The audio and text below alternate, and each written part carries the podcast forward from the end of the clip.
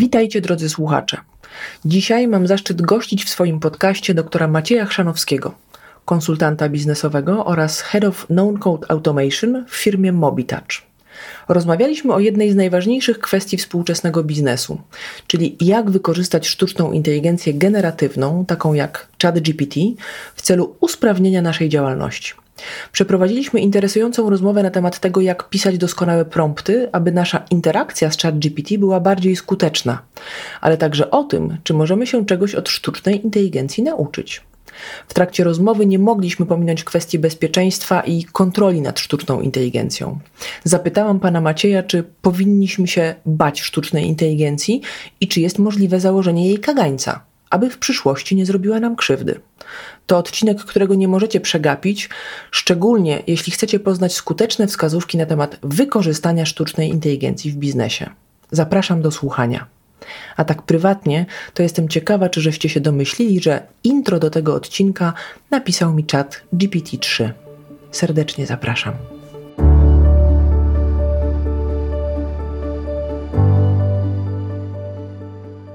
Dzień dobry. Nazywam się Emilia Gawryluk, a Ty słuchasz mojej audycji Odcienie Biznesu. Zapraszam tu liderki i liderów, przedstawicieli firm z różnych branż do rozmowy o tematach, które angażują aktualnie ich czas i uwagę. Rozmawiam o tym, co ich inspiruje, skąd czerpią energię, ale także o tym, jakie rozwiązania wprowadzają, aby ci, którzy stoją za sukcesami ich marek, pracowali z radością i energią. To audycja, w której poruszam temat świadomego i mądrego przywództwa. Dyskutuję tu o roli liderów w organizacjach oraz o wyzwaniach współczesnego świata. Sprawdź, jak różne są odcienie biznesu.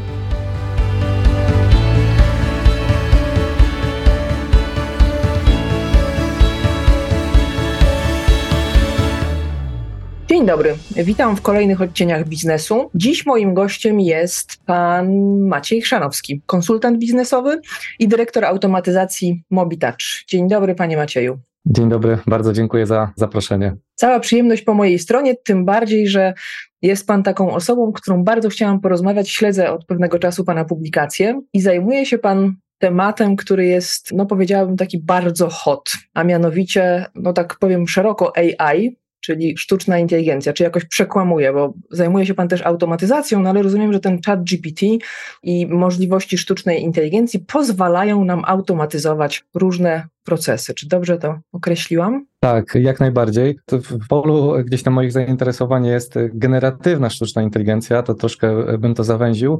E, no i szeroko pojęte no-code automation, czyli automatyzacja różnego rodzaju działań poprzez narzędzia, które nie wymagają od nas umiejętności programistycznych. No bo dotychczas mieliśmy tak, że mieliśmy dość sporą barierę wejścia w różnego rodzaju automatyzację, bo masa menedżerów małych, średnich firm, jak słyszy automatyzacja, to od razu myśli, będziemy musieli wyłożyć grube miliony złotych na dedykowane rozwiązania, które później będziemy wiele miesięcy wdrażać i na koniec nie wiemy, czy to się uda.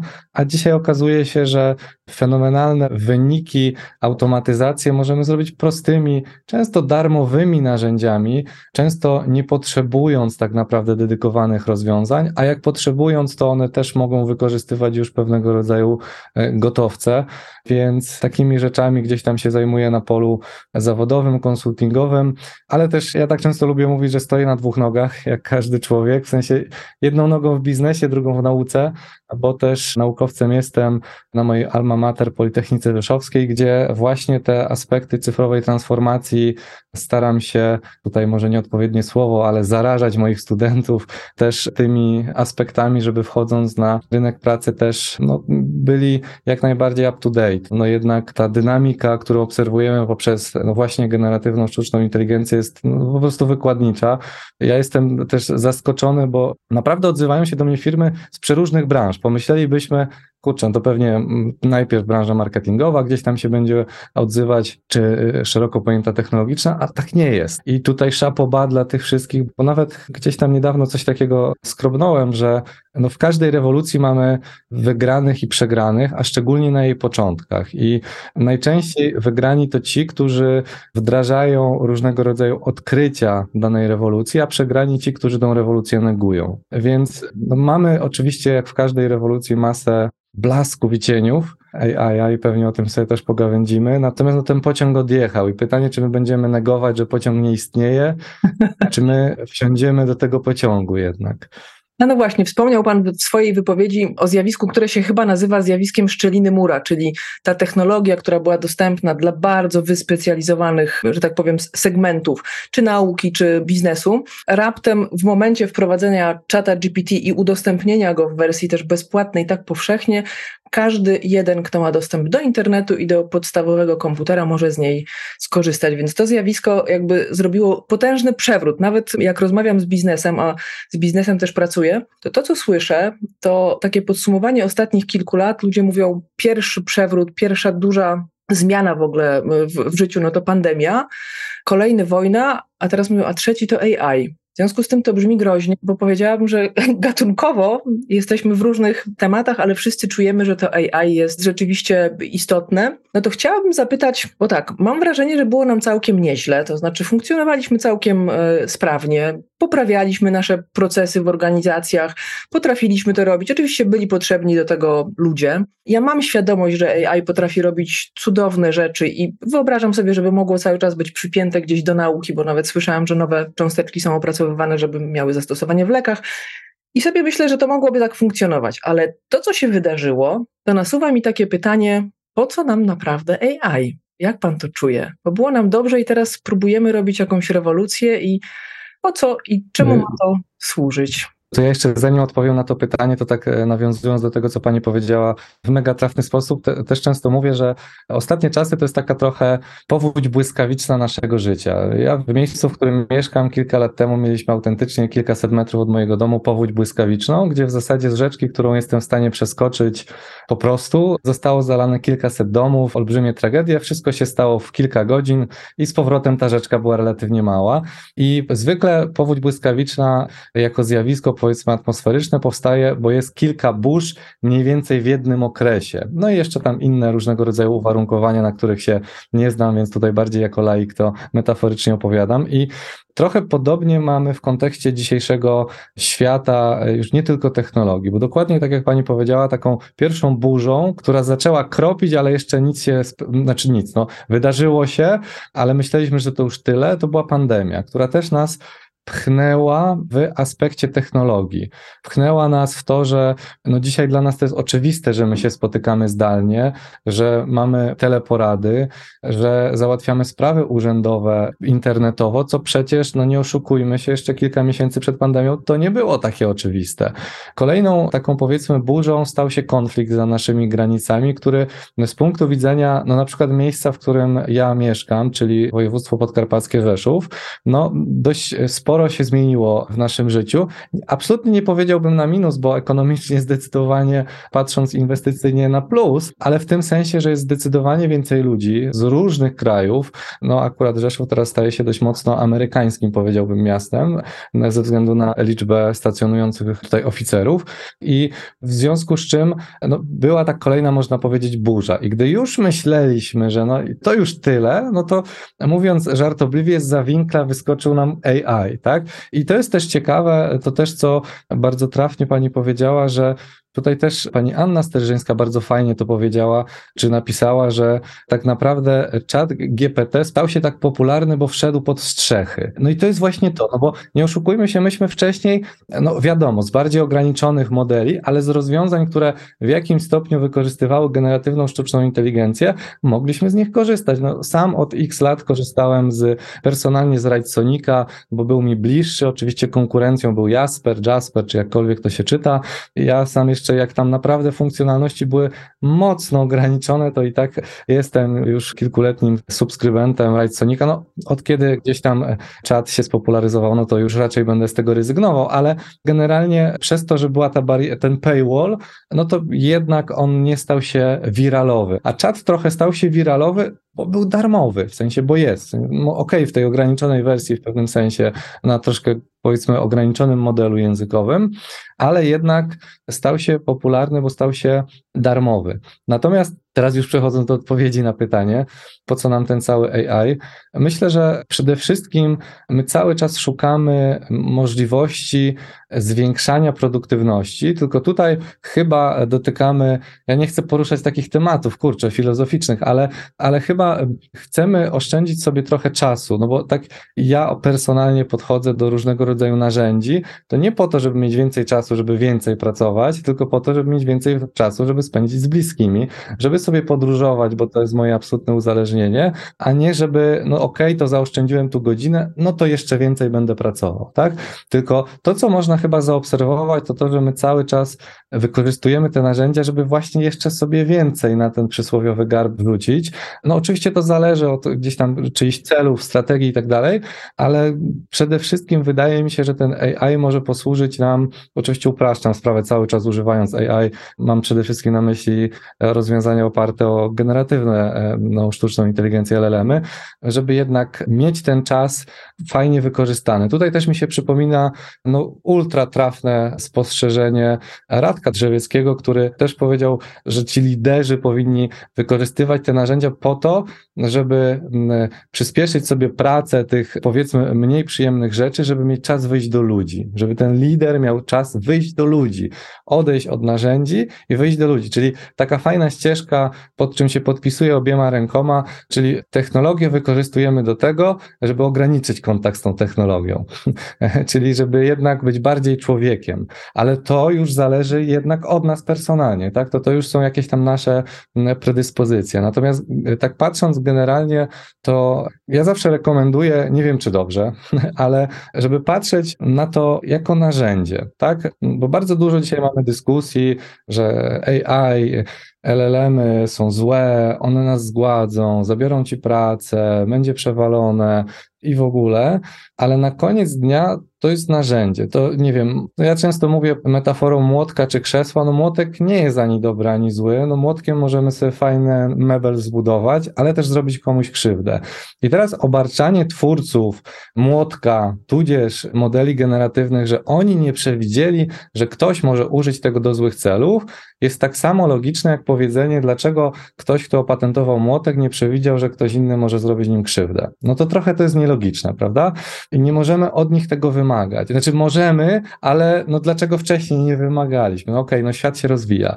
Z drugiej strony, tu jest, no kwestia AI jest ultra skomplikowana, bo dochodzimy do momentu i to fenomenalnie właśnie też o tym, czy profesor Dragan, czy też zagraniczni naukowcy opowiadają w tym kontekście, że Ciężko jest dzisiaj już mówić, że to są tylko i wyłącznie modele statystyczne, językowe, czy, czyli takie autouzupełnianie, jak które znamy z SMS-ów na sterydach, skoro one są w stanie proste zagadnienia wymagające znajomości praw fizyki rozwiązywać. No to to już jest trochę creepy i tu już nie możemy mówić tylko i wyłącznie, że to jest no, że on tam sobie przewiduje kolejne słowa, no bo jak sobie popatrzymy i podziałamy na modelu GPT-4 we wrześniu, prawdopodobnie już będzie GPT-4,5, końcem czy w przyszłym roku ma być e, piątka, no to te modele są fenomenalne. To fenomenalne to jest naprawdę bardzo niedowartościowany przymiotnik. I też wracając do odpowiedzi na Pani pytanie, Wydaje mi się, że no, na koniec dnia wszystko zależy od nas, tak? W sensie wszystko zależy od człowieka. Jak ja wykorzystam to narzędzie, czy ja je wykorzystam dobrze, czy źle. A jak je wykorzystam dobrze, to później, czy efektem tego będzie, że ja ten czas, który sobie oszczędzę, czy go wykorzystam dobrze, czy źle. Czyli to, to jest jakby ultra skomplikowany mm, proces.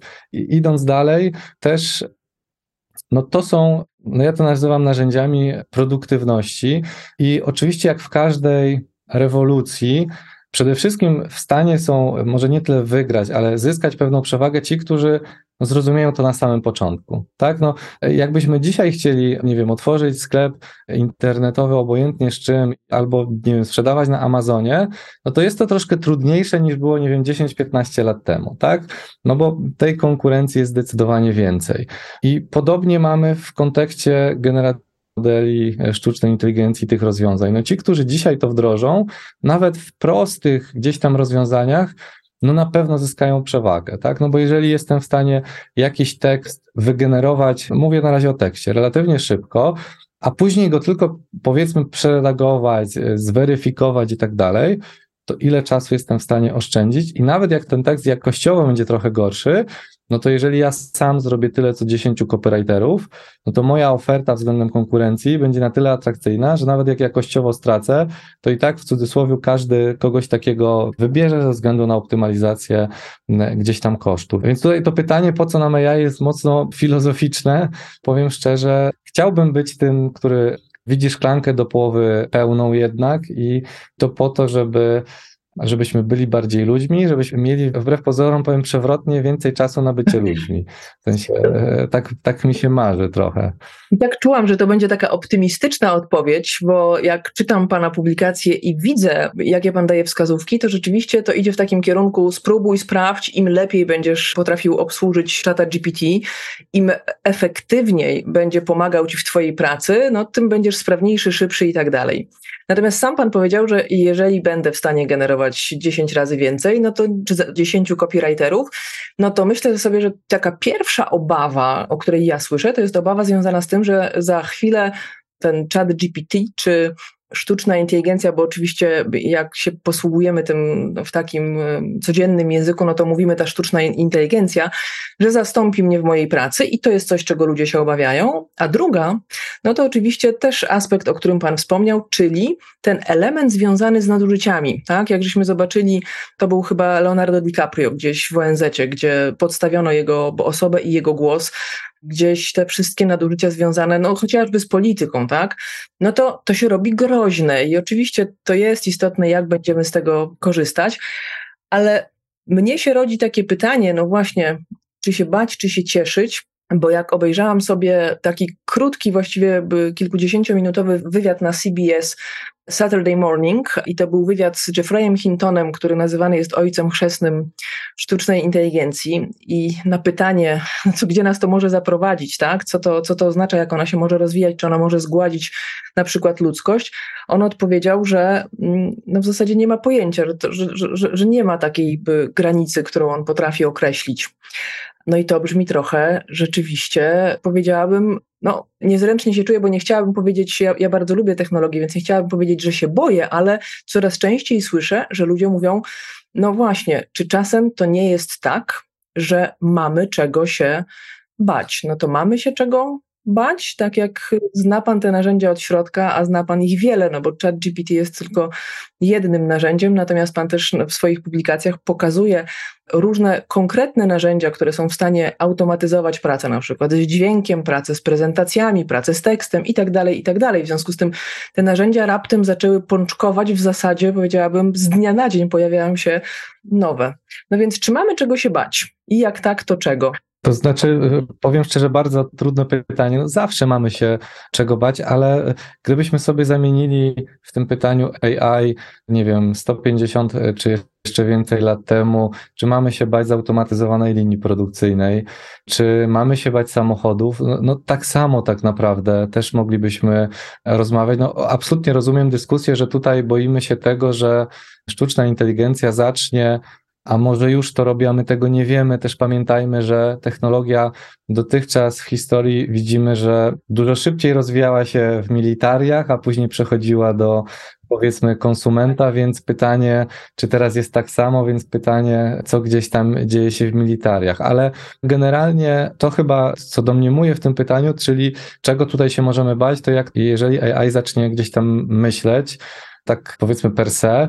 No, no dzisiaj już te zalążki tego myślenia, no możemy go zaobserwować, bo, bo jak sobie rzucimy okiem na eksperymenty z modelem GPT-4, nawet opisane przez naukowców współpracujących z Microsoftem w takiej publikacji The Sparks of Artificial General Intelligence, takie wczesne eksperymenty z tym modelem, to faktycznie coś, coś tutaj e, jest na rzeczy, więc wydaje mi się, że my tego aspektu bardziej się boimy, że to e, zacznie jakoś myśleć i w pewnym sensie nas zastępować. No tutaj nie czuję się w pewnym sensie na siłach powiedzieć jakoś jednoznacznie, czy mamy się czegoś bać, czy nie, bo, no bo tego nie wiemy. Tak, w którą stronę to pójdzie, trochę tego nie wiemy.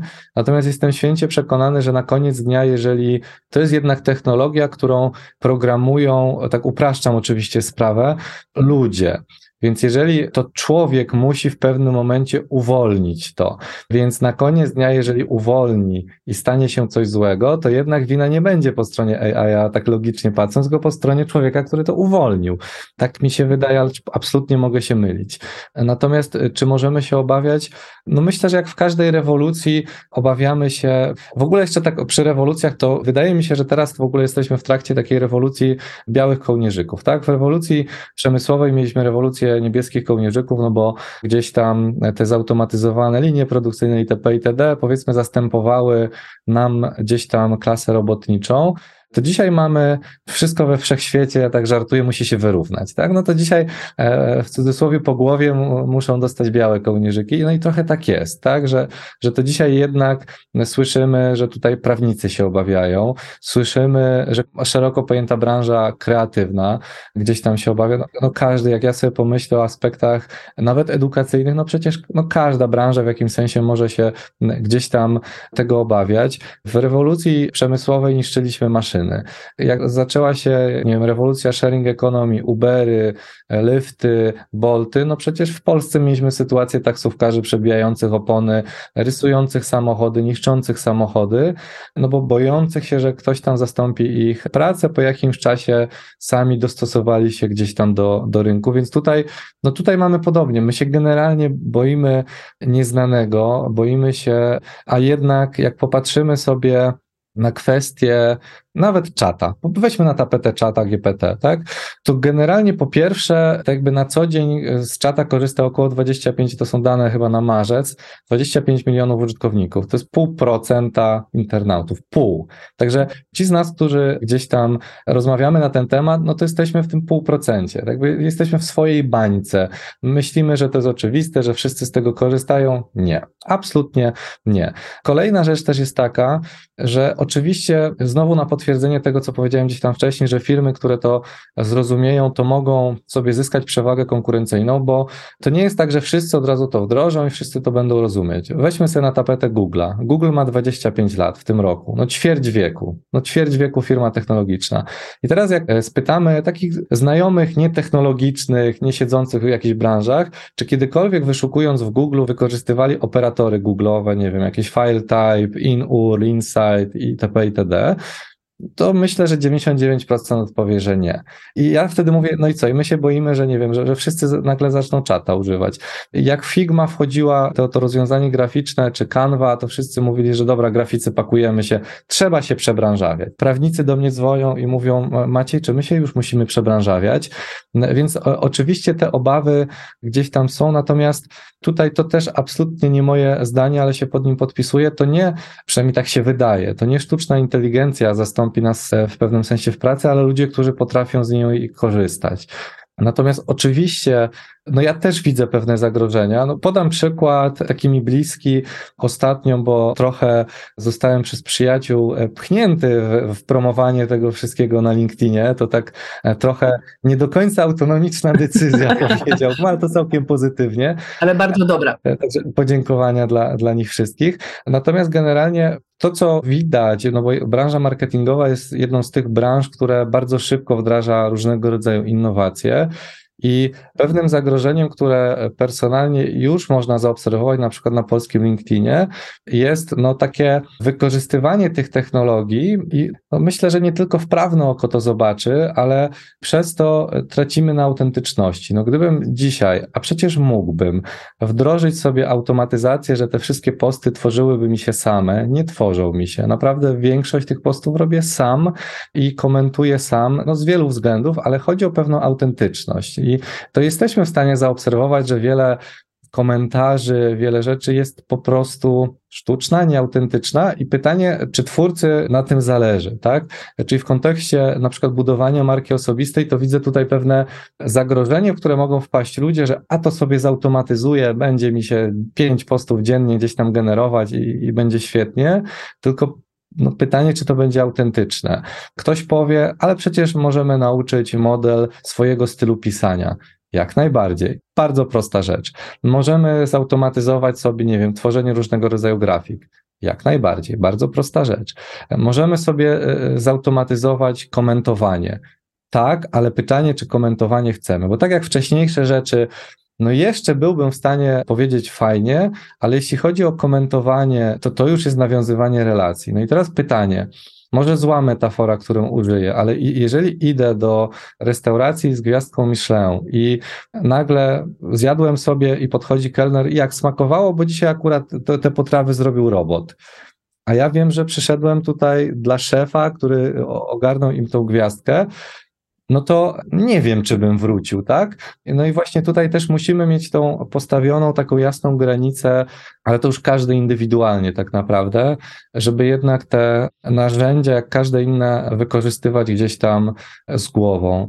Natomiast też tak jeszcze wracając do tego, jakie zagrożenia możemy obserwować, no ja tutaj w te głębokie zagrożenia, czyli czy, nie wiem, za chwilę, ja powiem szczerze, wiele, wiele lat temu był fenomenalny serial Person of Interest, impersonalni, idealny na dzisiejsze czasy z Jimem Caviezelem i tak sobie myślę, no jestem w stanie sobie taką wizję wyobrazić dzisiaj, ale no nie chcę być tym, który, no bo dzisiaj znowu, no też w internecie klikalna jest tragedia, wszystko co złe, że za chwilę to będzie zagłada i w ogóle, ale no na koniec dnia to my jednak gdybamy, tak? Nie wiemy, jeżeli tutaj wybitni profesorowie, praktycy, twórcy AI, tak jak pani powiedziała, mówią, że oni nie są w stanie tego przewidzieć, no to my pewnie też. No i teraz pytanie, czy ja czasem tak opowiadam na różnego rodzaju szkoleniach czy konsultingu, co się zresztą wywodzi z bardzo mi bliskiej filozofii stoickiej, tak? Filozofia stoicka oparta jest na no jednym z fundamentów, przejmuj się tym, co jesteś w stanie kontrolować, jedyną rzeczą, którą jesteś w stanie kontrolować jest twój umysł. No i teraz pytanie, czy to się wydarzy, czy nie, no nie do końca mamy na to wpływ. Czy my się teraz mamy tym przejmować, czy, czy to coś zmieni?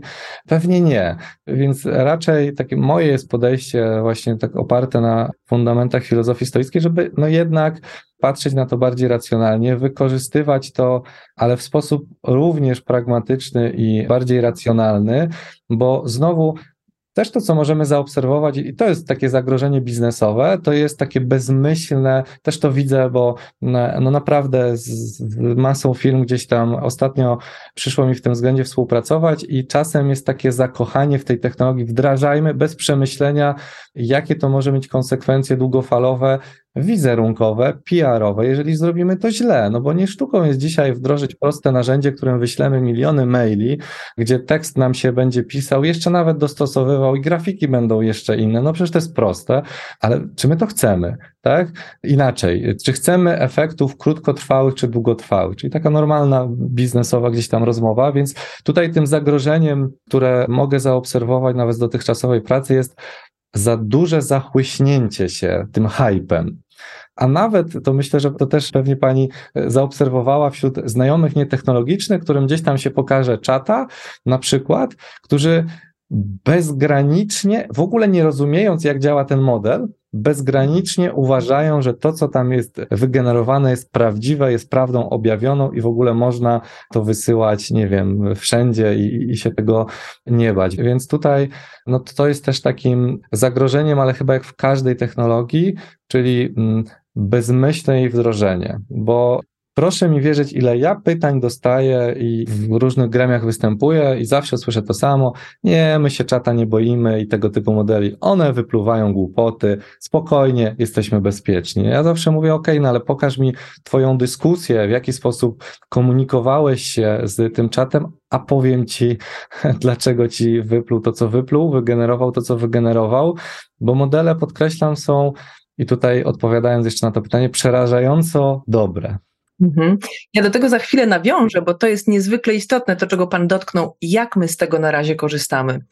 Natomiast powiedział Pan kilka rzeczy, no właśnie, żeby się nie bać, no to fajnie by było, żeby liderzy i menadżerowie, z którymi ja też bardzo często pracuję, w zasadzie to jest główna grupa, z którą ja pracuję, żeby mieli więcej czasu dla ludzi, bo jest taka realna potrzeba. Kiedyś żeśmy sobie w CV pisali, że albo wymagane było, żebyśmy umieli korzystać z MS Office, Ja się śmieję, że za chwilę to ten chat GPT i różnego rodzaju narzędzia oparte o tą e, sztuczną inteligencję generatywną będą po prostu wymagane, to znaczy, żebyśmy umieli się tym posługiwać.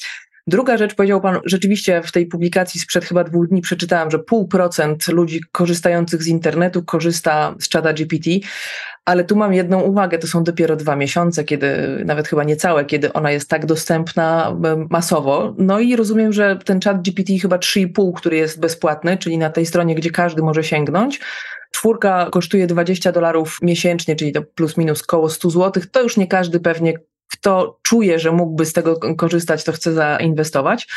No i właśnie, i dochodzę do tego, że powiedział Pan bardzo prosta rzecz, a ja uważam, że ona nie jest prosta. To znaczy, oczywiście jest prosta, jak siadam i zadaję pytanie, dostaję jakąś głupotę, i od kilku osób słyszałam, no tak, ale wpisałem imię i nazwisko swojego kolegi z miejscem jego zamieszkania, no, no i podało mi informację. Albo wpisałem swoje imię i nazwisko, byłem tam na iluś konferencjach, w zasadzie to jestem w mediach społecznych widoczny, a on powiedział, przykro mi, nie znam takiego człowieka i tak dalej, i tak dalej.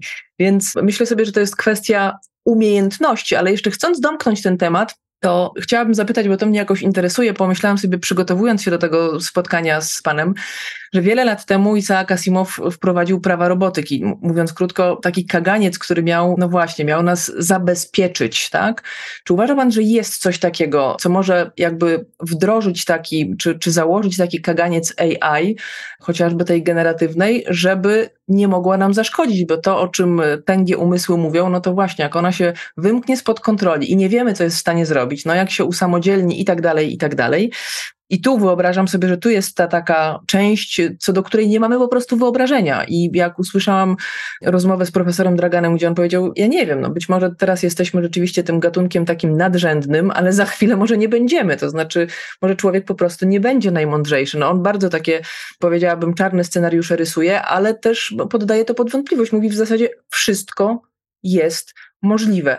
Czy my mamy jakąś szansę nad tym zapanować? A też pytam o to w takim kontekście, że kilka, właściwie chyba 29 marca, pamiętam tą datę, bo, bo, w kolejnym dniu była konferencja, na której występowałam i na której właśnie prowadziłam taki panel o organizacjach przyszłości i powiedziałam o tym, że był taki list otwarty, który podpisał i Elon Musk, i Bill Gates, i wielu sygnatariuszy, tam kilkaset osób, żeby zatrzymać prace, które trwają przynajmniej na pół roku, żeby mieć nad tym kontrolę. To znaczy, że duży biznes myślę sobie trochę plus minus, ale z przymrużeniem oka jednak próbował zahamować ten pęd do rozwoju AI, no żeby nie stracić nad tym kontroli. Czy my w ogóle mamy szansę założyć AI, w cudzysłowie, kaganiec? Znaczy, jeśli chodzi o takie, powiedzmy, szeroko pojęte AI, to proszę pozwolić mi się aż tak głęboko nie wypowiadać. Bardziej jeśli chodzi o generatywną sztuczną inteligencję, czyli ten podzbiór, powiedzmy sobie, to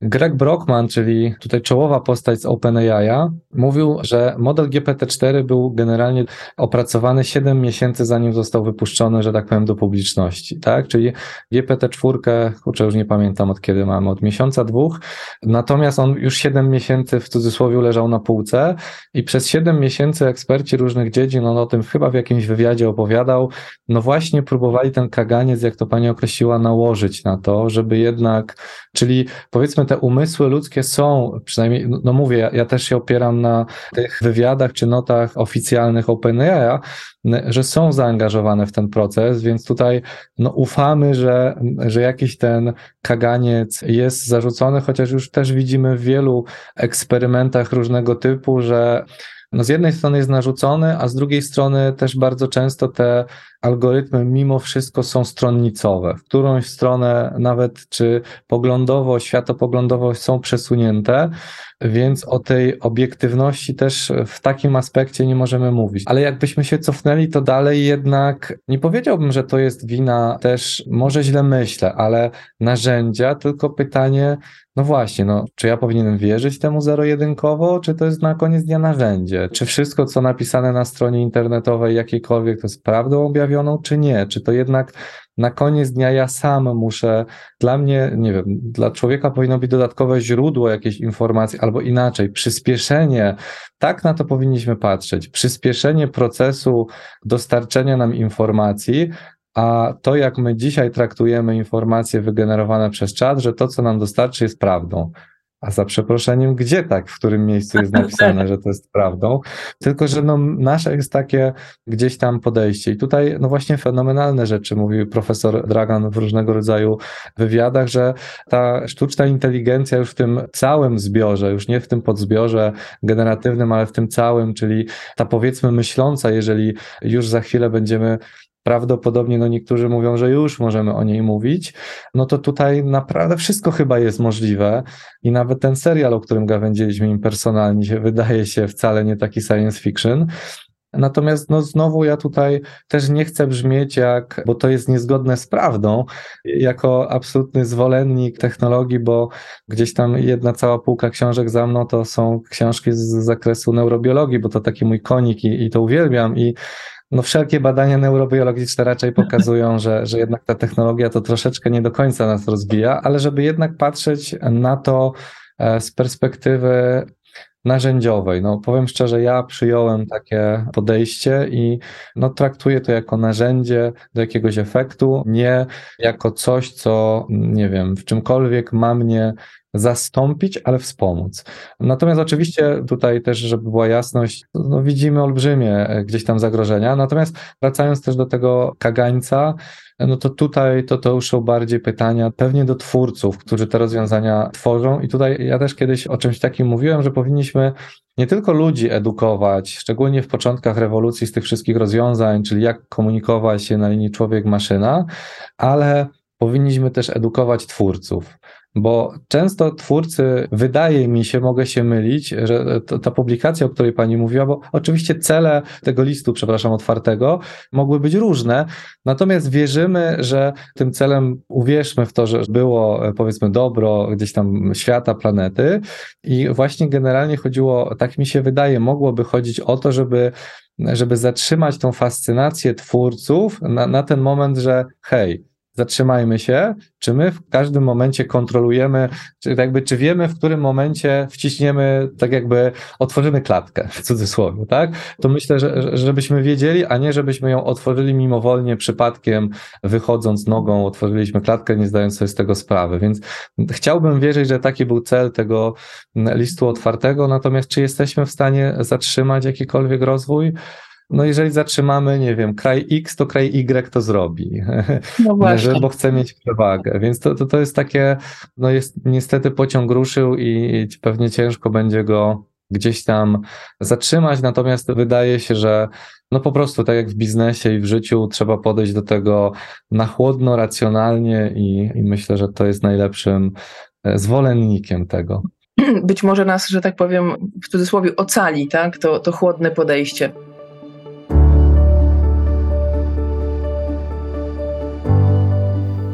Dziękuję za Twój czas.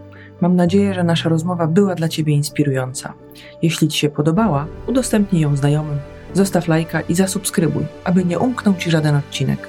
Będzie mi miło, jeśli podzielisz się swoją opinią. Napisz kilka słów recenzji. To dzięki Tobie mogę się rozwijać i trafiać do szerszego grona odbiorców. To dla mnie ważne i bardzo Ci za to dziękuję. Już dziś zapraszam Cię na kolejny odcinek. Sprawdź, jak różne są odcienie biznesu. Na drugą część rozmowy z panem Maciejem Chrzanowskim zapraszam Was wyjątkowo już w kolejny wtorek, czyli 9 maja.